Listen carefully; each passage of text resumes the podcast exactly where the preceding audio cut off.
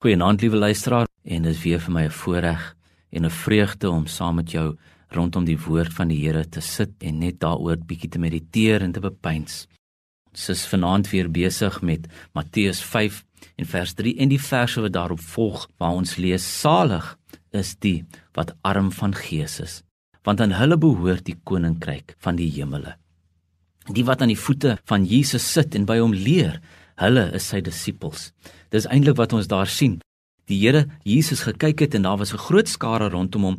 Toe gaan sit hy daar op die berg en sy disippels het na hom toe gekom en hy het hulle begin leer.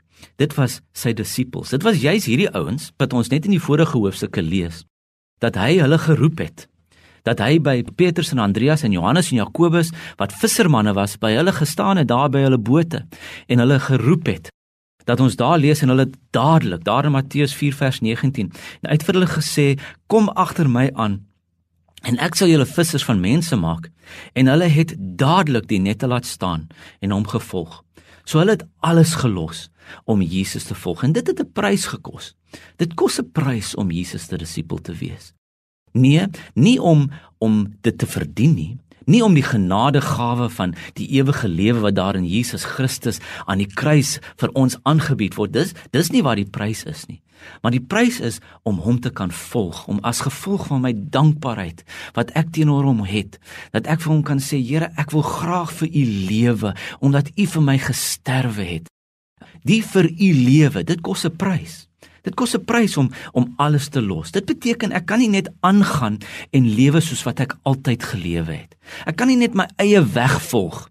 Ek moet of Jesus se weg volg of ek moet dan my eie weg volg. Hierdie manne het besluit hulle gaan hulle weë gaan hulle los. Hulle gaan dit eenkant los en hulle gaan Jesus met alles wat in hulle binneste het, gaan hulle hom volg.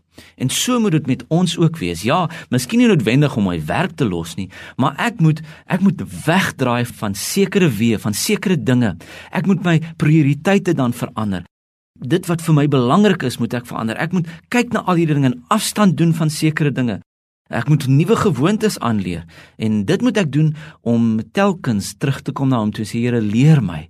Ek wil by u kom sit en leer wat is dit om 'n disipel te wees.